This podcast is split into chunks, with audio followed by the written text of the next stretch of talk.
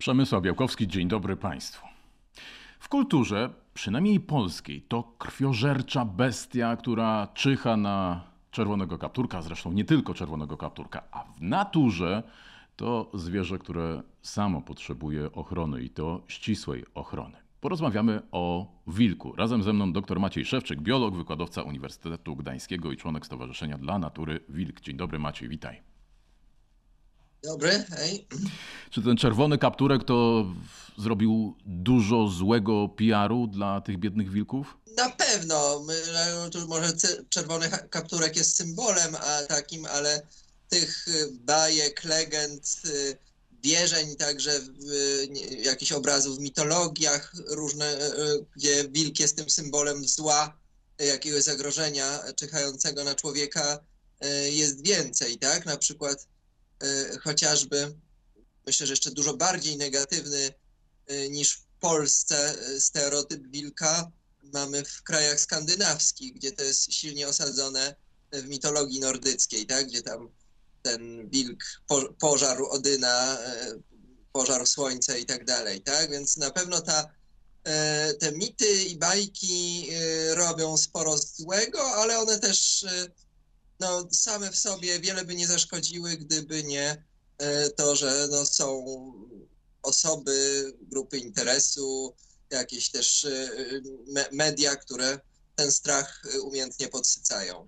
No, no to teraz zostawiając bajki jako takie, ale przechodząc, się do, przechodząc do tej, no nazwijmy to, przestrzeni informacyjnej, czy czasem dezinformacyjnej, jakie najdziwniejsze E, czy najgłupsze historie e, o wilkach słyszałeś, czy czytałeś? E, tak, no jest ich wiele, tak, więc e, znaczy takie najbardziej szkodliwe to są oczywiście te fake newsy związane z rzekomymi atakami na ludzi i było ich sporo.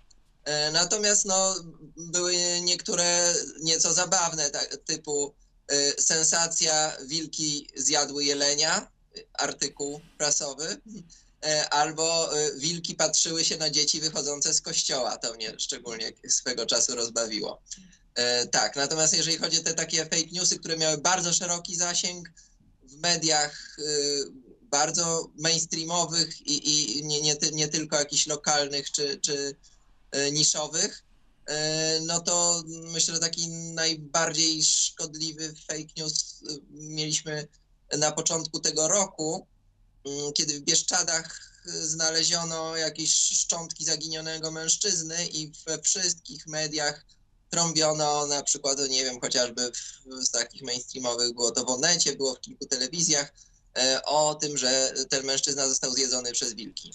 Ja nie znam ostatecznej przyczyny jego śmierci, to, to ustalała prokuratura gdzieś tam w e, Krośnie czy, czy w Rzeszowie, tak, no bo to, to przypadek z Bieszczad, natomiast E, no jakby obraz tych szczątków pozwalał sądzić, że nie tylko nie, został, nie żerowały na nim wilki, ale nawet żadne inne ssaki drapieżne typu lisy, tak, że no po prostu była to osoba, która prawdopodobnie zmarła z przyczyn niezwiązanych zupełnie z jakimikolwiek zwierzętami i no, te, te zwłoki zostały e, oczyszczone z mięsa przez ptaki, bo tak, tak to wyglądało, tak, bo na przykład no, żebra były nienaruszone, co nawet w przypadku żerowania lisów by tak nie było. E, natomiast e, to, to że, że ten mężczyzna został zjedzony przez wilki, to poszło na całą Polskę i w świat. A późniejsze ustalenia, że tak nie było, e, miały już oczywiście rząd wielkości mniej odsłon i kliknięć. To zostawmy te mity wokół wilków. To jakie są naprawdę wilki? Dlaczego ty im poświęcasz tak dużo swojej uwagi? Jest to po pierwsze bardzo ciekawy element ekosystemu, tak? Ponieważ na zmienionych tak silnie przez ludzi środowiskach jak większość terytorium Polski jest to jedyny y, szczytowy drapieżnik, znaczy jedyny duży ssak będący szczytowym drapieżnikiem, tak? No bo są fragmenty Europy, y, gdzie mamy trzy czy cztery gatunki tych szczytowych drapieżników, bo są niedźwiedzie, są rysie, są rosomaki, natomiast E, na większości terytorium Polski to jedynie wilk jest tym drapieżnikiem szczytowym kształtującym ekosystemy. E, to tak z punktu widzenia stricte biologicznego. Natomiast z punktu widzenia e, bardziej osobistego, myślę, że to mm, też to, że to jest, no ja zawsze wychowywałem się z psami, uwielbiam psy, a to jest y, gatunek, który de facto, pies i wilk to jest ten sam gatunek. I zarówno y, York, jak i Husky czy, czy dog niemiecki y, mają w zasadzie 99,9% identycznego DNA z wilkiem.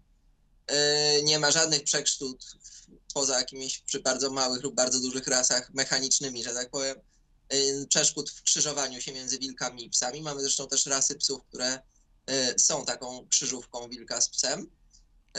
I wilki są bardzo wielu aspektach bardzo podobne, niemal identyczne do psów, w wielu aspektach zachowania, a jednocześnie są elementy ich zachowania, które są zupełnie inne. I to jest bardzo ciekawe, jeszcze patrząc na to, jak ten okres, który minął od udomowienia wilka, tak, i powstania psa, to w perspektywie ewolucyjnej to jest mrugnięcie okiem, a jak niesamowicie duże zmiany właśnie zarówno morfologiczne, jak i, i, i w zachowaniu behawioralne e, mm, ta selekcja przez ludzi potrafiła zrobić z wilkiem de facto, tak, no bo pies jest wilkiem. No to spójrzmy wstecz, ale nie aż do tak zamieszłych czasów. Zaledwie 20 parę lat e, temu wilki nie były jeszcze objęte ścisłą ochroną. No i można powiedzieć, że ten gatunek, który jest tak, tak ciekawy, tak e, istotny w ekosystemie, o czym powiedziałeś wcześniej, mógł właściwie zniknąć z tych e, naszych ekosystemów. Mm, jaka to była granica, co się zmieniło przez ten czas i, i czy możemy już choć trochę odetchnąć i powiedzieć, że wilki w naszym kraju nie są zagrożone. Tak. No, y, do wytępienia wilków na terenie Polski było całkiem blisko, ponieważ to mm, trzeba było się cofnąć jeszcze trochę więcej, bo do lat 70., y, bo, bo od lat 50. do 70. wilki były w, w Polsce gatunkiem nie tylko zabijanym przez myśliwych, ale też e, zwalczanym wszelkimi możliwymi sposobami. Była tak zwana akcja wilcza, podczas której mm, dozwolone, a wręcz no, premiowane było e, trucie wilków, e, znajdywanie i zabijanie wilczych szczeniąt w norach. Za zabitego wilka wypłacano nagrody. No i wówczas no, trudno oczywiście o wiarygodne szacunki z tych czasów, ale no, tak to, co, co możemy znaleźć w literaturze, to e, dane, że właśnie w połowie lat 70. populacja wilków w Polsce to było poniżej 100 osobników, tak? Patrząc na to, że no, wilki żyją w grupach rodzinnych, tak, tych tak zwanych watachach, no to tak naprawdę było to zaledwie prawdopodobnie kilkanaście wilczych rodzin, tak, czyli mniej niż jedna niewielka ludzka wioska. Więc rzeczywiście ta redukcja populacji była e, bardzo drastyczna. E, no i przetrwały w zasadzie tylko w Bieszczadach i w, w przygranicznych fragmentach północno-wschodniej Polski. Natomiast no, objęcie, e, znaczy przejście, zmiana, zmiana sposobu zarządzania właśnie z tego gatunku zwalczanego na łowny, kiedy od lat 70. No, na wilki można było polować, ale tylko w określonych e, porach roku i mogli to robić tylko myśliwi będący członkami Polskiego Związku Łowieckiego, tak? były jakieś kwoty odstrzału, no to pozwoliło częściowo tej populacji wilka lekko się odbudować, oczywiście z, prawdopodobnie z udziałem mm, migracji z, z wschodniej granicy. E, natomiast y, nie wystarczało to do tego, żeby e, większa część terenów Polski została przez ten gatunek skolonizowana, tak? Ponieważ no też e, na skuteczność polowania na wilki bardzo wpływa mm, ukształtowanie terenu. Nie? No i w górach czy, czy w rozległych, mocno zabagnionych puszczach jest to trudniejsze.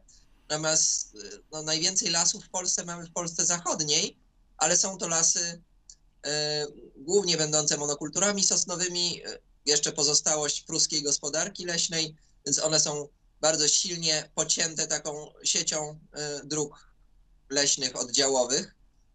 Więc w, po prostu takich lasach wilki dużo łatwiej znaleźć, po prostu jeżdżąc samochodami po drogach leśnych, szukając tropów, szczególnie w warunkach zimowych. Więc jeżeli jakieś pojedyncze osobniki pojawiały się w, w zachodniej czy centralnej części kraju w latach 80. czy wczesnych 90., no to natychmiast organizowane było polowanie i te, te pojedyncze osobniki były zabijane, no bo po prostu no to nie chodziło już bardziej o eliminację, tylko raczej to, że ponieważ wilki były rzadkie, to trofeum w postaci czaszki wilka, no to było marzenie każdego myśliwego. Nie więc jeżeli ten pojedynczy wilk się gdzieś pojawił, no to była wielka akcja e, polowania na niego, więc e, no, te pojedyncze osobniki, które pojawiały się w centralnej i zachodniej części Polski, e, zwykle, zwykle nie zdążały się rozmnożyć. Były pojedyncze dosłownie przypadki, że taka para rodzicielska wydała jeden miot szczeniąt, ale wówczas kolejnej zimy zwykle cała watacha była zabijana, więc no, to nie pozwalało na odbudowanie się populacji, natomiast no, objęcie ochroną ścisłą gatunku zmieniło wszystko. Aczkolwiek też nie tak natychmiast, to ten proces trwał kilkanaście lat, e, ale y, no, pozwoliło to na rekolonizację w zasadzie całej Polski przez y, wilki, no bo wilki są gatunkiem o dosyć wysokiej rozrodczości, dobrze adaptującym się do nowych warunków, więc kiedy tylko nie były fizycznie eliminowane, to bardzo dobrze poradziły sobie same. Tutaj może warto zaznaczyć, bo widzę, że rozmawiając z ludźmi, szczególnie z mniejszych miejscowości, z miejsc, gdzie wilki obecnie występują, a kilkanaście lat temu jeszcze ich nie było, bardzo widzę, że rozpowszechniony jest mit o tym, że Y, wilki zostały wpuszczone przez jakichś tajemniczych ekologów. To o tym jeszcze za tak, chwilę że... przejdziemy, y, o obecności o, okay, wilków y, niedaleko człowieka. Natomiast jeszcze chciałbym o, o tym objęciu ochroną i skutkach mhm. tego porozmawiać. Teraz ja przeczytałem takie informacje, że jest około 2000 wilków w Polsce. Ty mówiłeś wcześniej, kilkadziesiąt lat temu, to mogło być nawet zaledwie 100 osobników. No i teraz przy tych, to niech będzie, dwóch tysiącach, e, pojawiają się na nowo głosy, e, to nazwę to tak delikatnie, przeciwników wilków, e, ludzi, którzy twierdzą, że powinno się redukować populację. Znowu używam takiego sformułowania bardzo dyplomatycznego, a mówiąc wprost, zabijać wilki, czy znowu polować na wilki. I teraz E, ta sprawa to nie jest też tylko e, wątek polski. Oczywiście w każdym kraju ta, ta sytuacja jest zupełnie inna. Natomiast e, o wilkach zaczęło się mówić w ogóle w kontekście europejskim, a to za sprawą Ursuli von der Leyen, szefowej Komisji Europejskiej. Głośny temat tego, jak to wilk rzucił się na, na jej ukochanego kucyka. No i teraz zastanawiam się, gdybyś ty miał możliwość porozmawiania E, z panią Ursulą, to co byś jej powiedział? Co byś jej powiedział o tych wilkach i o tych e, pomysłach, czy też zakusach do tego, żeby e, te populacje wilków zmniejszać? Tak, no przede wszystkim polowanie na wilki formie nie eksterminacji gatunku, tak jak miało to miejsce w latach, kilkadziesiąt lat temu, tylko no tego, w takiej formie, jakiej domaga się tego większość właśnie środowisk które chciałyby, żeby na wilki się e, znowu strzelało, no to po prostu wprowadzenie tego gatunku na listę zwierząt łownych, kwoty odstrzału, organizacja polowań i tak dalej, e, nie spowodowałoby, że do takich przypadków jak e, zagryzienie tego kucyka dochodziłoby rzadziej, a wręcz mogłoby dochodzić częściej. Ponieważ no, gdybyśmy rzeczywiście fizycznie usunęli praktycznie całą populację wilka, no szkód by nie było, bo nie byłoby wilków, tak? Natomiast jeżeli e, byłoby tak, że mamy 2000 wilków, więc powiedzmy jest decyzja, że nie wiem, 400 czy 500 rocznie można odstrzelać. To nie zagroziłoby istnieniu wilków jako takich, no bo jak mówiłem, one mają dosyć wysoką rozrodczość. E, natomiast e, zagroziłoby roli ekologicznej, jaką wilki pełnią w środowisku, tak? Ponieważ no, polowanie na naturalne, na, naturalne pożywienie wilków, takie, które stanowią głównie duże zwierzęta kopytne, jelenie, dziki, sarny czy łosie, no szczególnie w przypadku tych większych gatunków, takich jak jelenie, łosie czy dorosłe dziki, wymaga koordynacji działań kilku osobników, doświadczonych osobników, tak? Natomiast no, na takich polowaniach wiadomo, że często byłyby zabijane też osobniki tych par rodzicielskich, które, czyli mówiąc kolokwialnie tych, tych, tych tak, osobników z tej pary alfa, tak? Oczywiście to jest jakby to, nie, nie lubię tego określenia, sam jest alfa, samica alfa w stosunku do wilków, bo ono nie oddaje istoty sprawy, tak? To, jest, to są po prostu rodzice pozostałych, pozostałych wilków, a nie jakieś osobniki, które w, walce o dominację tą pozy, pozycję wywalczyły. E, natomiast no, jeżeli zabije się jednego albo jeszcze gorzej obydwoje rodziców, taka watacha ta, taka grupa rodzinna się rozpada. E, no i mamy trochę mniej wilków, ale mamy wilki rozproszone, które, których wiele osobników nie potrafi samemu polować, więc w takiej sytuacji do ataków na zwierzęta gospodarskie dochodzi nie rzadziej, a częściej. Mimo, że wilków jest trochę mniej, to y, poziom szkód rośnie. No i to widać, jeżeli porównamy na przykład Polskę z krajami bałtyckimi. Łotwa czy Estonia to są kraje, gdzie na wilki się poluje i to są polowania dosyć intensywne w stosunku do liczebności populacji w tych krajach. No i tam, jeżeli przeliczymy to na, czy to na procent populacji zwierząt hodowlanych, czy to na liczbę wilków, widać wyraźnie, że tam szkody powodowane przez wilki są dużo poważniejszym problemem niż w Polsce. Oczywiście są obszary, to już nie dotyczy raczej Polski, tylko niektórych rejonów w Europie Zachodniej, w Niemczech, we Francji, gdzie wilków nie było nie przez kilkadziesiąt lat, tylko przez ponad 200 lat. E, no i tam e, metody hodowli e, owiec czy innych zwierząt hodowlanych totalnie nie uwzględniają możliwości pojawienia się drapieżnika, tak? No i tam ten potencjalny poziom konfliktu jest dużo większy, ponieważ no, właściwe zabezpieczenie tych stad, które pozwoliłoby na to, że no, ta liczba przypadków ataków wilków drastycznie by się zmniejszyła, tak? No bo jej się nie wyeliminuje, ale żeby się znacząco zmniejszyła, żeby nie była prawdziwym problemem, y, wymagałaby totalnej zmiany metod hodowli tych zwierząt, tak? No, otwarty wypas wielu tysięcy owiec no to, to jest dla, dla każdego wilka, a szczególnie młodego osobnika w trakcie tej tak zwanej dyspersji, czyli wędrówki, poszukiwaniu e, nowego terytorium, no to, to dla niego jest to po prostu darmowa okazja, z której praktycznie każdy wilk skorzysta, tak? Jeżeli mamy niechronione e, ani ogrodzeniami, ani psami pasterskimi e, duże stada owiec czy innych niewielkich, średniej wielkości zwierząt hodowlanych, tak? Więc mhm.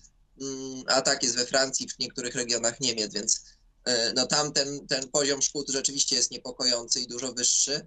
No i to już jest kwestia debaty w tych konkretnych krajach, czy oni w ogóle chcą mieć drapieżniki, chcą, żeby te e, mm, parki narodowe czy tereny mm, powiedzmy większej dzikości były bardziej zbliżone do sytuacji naturalnej, czy chcą mieć bardziej że tak powiem, rezerwat kulturalny, tak? I y, kultywować te starsze metody hodowli, wypasu owiec i tak dalej, tak? Mhm. No to, to, to jest... Poniekąd znowu y, przeszliśmy do tego, więc myślę, że to już jest wątek znowu zbliżania się wilków do gospodarstw. Mówiłeś o, o zwierzętach hodowlanych, o, o, o zabezpieczeniu. Natomiast wróćmy jeszcze, czy przejdźmy może do człowieka I cały czas w głowie mi siedzi ten, ten, przykład, czy ten tytuł, o którym powiedziałeś, że wilk tam gdzieś się przyczaił i patrzył na dzieci wychodzące z kościoła, ale tak mówiąc już e, zupełnie poważnie, e, jak wilk może zareagować na człowieka i jak człowiek powinien zareagować na wilka? Wilki starają się unikać ludzi, ale no, żyją na terenach, gdzie ludzie są prawie wszędzie. Więc no, to nie jest tak, że wilk na widok człowieka E, reaguje paniczną ucieczką, albo że no, robi wszystko, żeby tego człowieka nie spotkać, tak? Minimaliz wilk minimalizuje e, e, ryzyko spo bliskiego spotkania z człowiekiem, tak? Więc, ale spotyka tych ludzi z różnej odległości.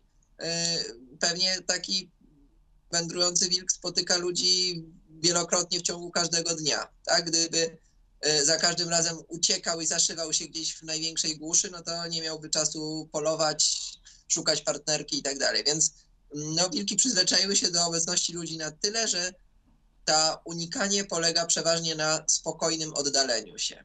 tak? A, a jak to E, się ma do, do Watachy? Bo, bo, bo w tej chwili mówisz o pojedynczym wilku, tak, tak rozumiem. No, a, a jak to się ma w przypadku do, do tej całej wilczej rodziny, o której, e, o której mówiłeś wcześniej? Tak, no te, te e, generalnie te spotkania bliskie, czy wilki pojawiające się blisko siedzib ludzkich, to przeważnie są e, te osobniki pojedyncze, ponieważ Z tej rozproszonej E, Watachy, tak, o której mówiłeś wcześniej. nie, nie tyle rozproszonej watachy, tylko takie, które nie są członkami watachy. Aha. E, Czyli no, w wilczym życiu przychodzi ten etap, to jest przeważnie pod koniec drugiego roku życia, kiedy ten młody osobnik od swojej grupy się oddziela, tak? I zaczyna szukać swojego terytorium. I teraz te batachy, tak? Czyli te grupy rodzinne wychowujące szczenięta, one zwykle jednak mają te centra swojej aktywności e, w większych kompleksach leśnych, a jeśli nie w dużych kompleksach leśnych, to na przykład w mm, obszarach takiej mozaiki polnoleśnej, ale e, o niewielkiej y, gęstości zaludnienia i no, spotkania ludzi z całą grupą wilków e, są stosunkowo rzadkie. Natomiast nie, nie, nie liczę tu oczywiście mm, leśników, y, myśliwych, ludzi będących bardzo dużo w głębi lasu, tak? Ale mówię o, o obserwacjach w pobliżu, w pobliżu wsi, a nawet miast czy miasteczek e, no to te, te spotkania to przeważnie są właśnie z wilkami pojedynczymi, tymi, które są na tym etapie tej tak zwanej dyspersji, czyli e, po oddzieleniu się od swojej rodziny szukają sobie nowego miejsca, szukają partnera. No i e, takie osobniki zwykle przez, no bo te watachy, te grupy rodzinne są terytorialne. One takiego niespokrewnionego osobnika zwykle na swój teren nie zaproszą, a wręcz przeciwnie, w przypadku spotkania e, go, mogą go zaatakować, żeby go wygonić, a czasami nawet zabić. Więc e, te osobniki właśnie pojedyncze, dopiero poszukujące swojego terytorium, no raczej nie wchodzą na te tereny najlepsze dla wilków, bo one są już zajęte przez te osiadłe watachy.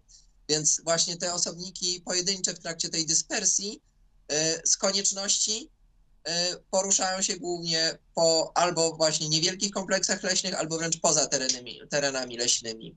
Plus no, pokonują duże odległości, nie mają też e, powiedzmy w głowie mapy kompasu, tak? No bo taka e, tak, e, wilk osiadły ma na pewno w głowie mapę swojego terytorium, tak? Zna- Znakomicie na każdą drogę oddziałową, każdą ścieżkę. Natomiast mm, ten wilk w trakcie tej dyspersji porusza się po terenach sobie nieznanych, tak? No i wędruje przeważnie wz- wzdłuż jakichś liniowych elementów krajobrazu, tak nazwał. To może być coś naturalnego typu rzeka, a może być y, sztuczna bariera, na przykład, nie wiem, ogrodzenie wzdłuż autostrady, bo są takie nagrania właśnie pojedynczych wilków, które kilometrami idą na przykład wzdłuż jakiejś grodzonej autostrady.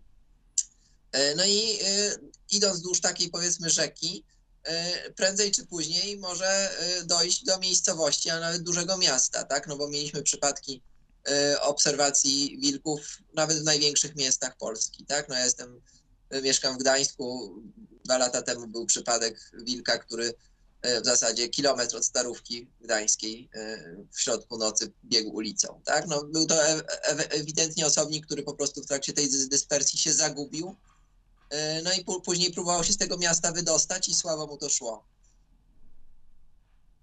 E, No, natomiast drugą kwestią jest oczywiście e, no, przemieszczanie się wilków po terenach rolniczych. E, No i tutaj mm, to nie są już tylko te osobniki trakcie dyspersji, ale też wilki osiadłe, całe grupy rodzinne e, po polach jak najbardziej się przemieszczają. No a dlaczego? Dlatego, że e, no po prostu wilki będą tam, gdzie jest najwięcej ich pokarmu. A szczególnie w ostatnich latach te zmiany w strukturze rolnictwa, czyli na przykład e, mm, rzeczywiście takie przesuwanie się rolnictwa w stronę na przykład wielkoobszarowych upraw kukurydzy szczególnie, e, daje wilkom e, świetne możliwości e, no, zdobywania pokarmu e, poza kompleksami leśnymi, ponieważ e, kukurydza po pierwsze e, pozwala na dużo wyższą rozrodczość niektórych gatunków, którymi wilki się żywią, tak no szczególnie dziki oczywiście, no w tej kukurydzy mają, mają dostęp do właściwie nielimitowanych zasobów pokarmowych.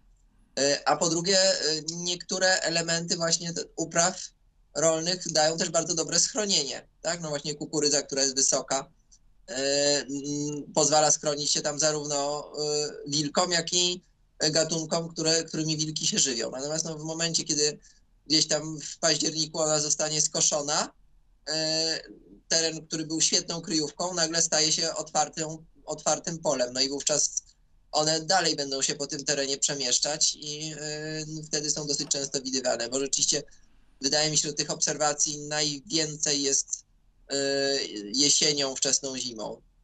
To jest też okres, kiedy najczęściej młode wilki podejmują tą dyspersję, tak? czyli ten, tą wędrówkę w poszukiwaniu nowego terytorium. Mhm. Zaczęliśmy od tych e, wątków takich, nie wiem, popkulturalnych, nazwijmy to, to ja nawiążę jeszcze może do jednego przysłowia. Mówi się, że człowiek człowiekowi wilkiem, ale w- tej sytuacji często człowiek wilkowi e, wilkiem. Co zrobić, żeby, żeby to, to trochę zmienić, żeby to trochę e, odczarować? Bo tak jeszcze sobie pomyślałem, też jakiś czas temu miałem rozmowę o niedźwiedziach, gdzie, gdzie w ogóle niedźwiedzie wręcz w drugą stronę, no też drapieżniki, no jednak niebezpieczne e, zwierzęta, a zupełnie odwrotne, przedstawiane w sumie dzieciom od, od najmłodszych lat jako misie, jako, jako potulne pluszaki, e, choć to zupełnie też w drugą stronę właśnie burzy ich e, prawdziwe oblicze. Więc tak trochę co, co zrobić, żeby e, tym wilkom było pod względem, no niech będzie dobrego PR-u bliżej, bliżej do niedźwiedzi, jak myślisz? No Myślę, że edukacja na wielu poziomach, no i to oczywiście jest proces wieloletni, tak? No właśnie bardziej nie, nie jako patrząc z punktu widzenia uczelni, tylko z, z punktu widzenia Stowarzyszenia dla Natury Wilk, no to staramy się tą edukację e, mm, zapewniać, tak? Czyli na przykład no, stowarzyszenie wydało taką e, krótką książeczkę po sąsiedzku z wilkami. E, Jej PDF jest darmowo dostępny na, na stronie stowarzyszenia, gdzie są, jest taki zbiór podstawowych faktów o wilkach, ale też właśnie dużo informacji o tym, e, jak wilki widzą ludzi, e, co może oznaczać e, to, że wilk na przykład po spotkaniu człowieka nie ucieka od razu, czym to może być spowodowane, jak zachowywać się przy, w przypadku spotkania wilka, no i też e, wiele porad co do e, no, mo- możliwych rozwiązań ewentualnych sytuacji konfliktowych, tak? E, No, spotkania w szkołach, tak? Na pewno e, star- staramy się e, organizować spotkania z szkolenia dla ludzi, którzy jakby z tymi problemami związanymi z wilkami mają najwięcej do czynienia, czyli na przykład dla pracowników regionalnych dyrekcji ochrony środowiska, tak? No bo to jest instytucja, która mm, to są instytucje, które, które zajmują się na, z jednej strony na przykład wypłacaniem odszkodowań za szkody powodowane przez gatunki chronione, w tym wilki, z drugiej strony no też e, przypadkami e, śmierci osobników z e, gatunków chronionych, tak? Czyli na przykład, no nie wiem, e, przypadki e, zabicia wilka e, w wypadku komunikacyjnym, tak? No to to są też rzeczy, które są z- zgłaszane do tych re- regionalnych dyrekcji ochrony środowiska. No więc takie, czy też no, robimy szkolenia dla nadleśnic, bo, bo to z jednej strony leśnicy są e, ludźmi, którzy wilki pewnie w swojej pracy spotykają najczęściej, z drugiej strony też często są takimi lokalnymi autorytetami, do których e, rolnicy, mieszkańcy wsi gdzieś tam na pograniczu la- lasu zgłaszają się, e, jeżeli widzieli wilki, boją się, czują się niekomfortowo w towarzystwie wilków, no to wówczas bardzo często właśnie e, zgłaszają swoje problemy e, do nadleśnictwa, tak? Więc no, robimy cykle spotkań z e, leśnikami z nadleśnictw, w których, których najczęściej pracujemy. Natomiast no, oczywiście nie da się tego zrobić w skali całego kraju, tak? No i tutaj e, myślę, że misja fajnie by było, gdyby, gdyby, gdyby jakby funkcja tych szczytowych drapieżników i odczarowanie tych mitów e, miało też miejsce, nie wiem, na lekcjach biologii chociażby, tak? Bo nie przypominam sobie, żeby w programie za wiele było na temat e, drapieżników żyjących w Polsce, dlaczego one są potrzebne i ważne, ale też takich praktycznych rzeczy, jak żyć z tymi drapieżnikami, tak? No bo oczywiście wiąże się to z pewnymi zagrożeniami, nie, jeśli nie dla ludzi, to na przykład dla, dla członków naszych rodzin w wielu przypadkach, czyli dla psów domowych. Ponieważ no, spotkania wilk-pies w naturze czasami kończą się powstaniem mieszanych szczeniaków, ale zdecydowanie częściej jednak kończą się śmiercią psa. To mam nadzieję, że w tym wątku edukacyjnym swoją cegiełkę dołożyliśmy też tą rozmową. Pięknie dziękuję. Doktor Maciej Szewczyk, biolog Uniwersytetu Gdańskiego, członek Stowarzyszenia dla Natury Wilk. Dzięki wielkie, wszystkiego dobrego. Dzięki, dzięki za zaproszenie, dzięki za rozmowę. Państwu też dziękuję. Zapraszam, zachęcam do oglądania kolejnych odcinków wideokastów Zielonej Interii. Ja nazywam się Przemysław Białkowski. Kłaniam się, do widzenia, do zobaczenia. Thank you.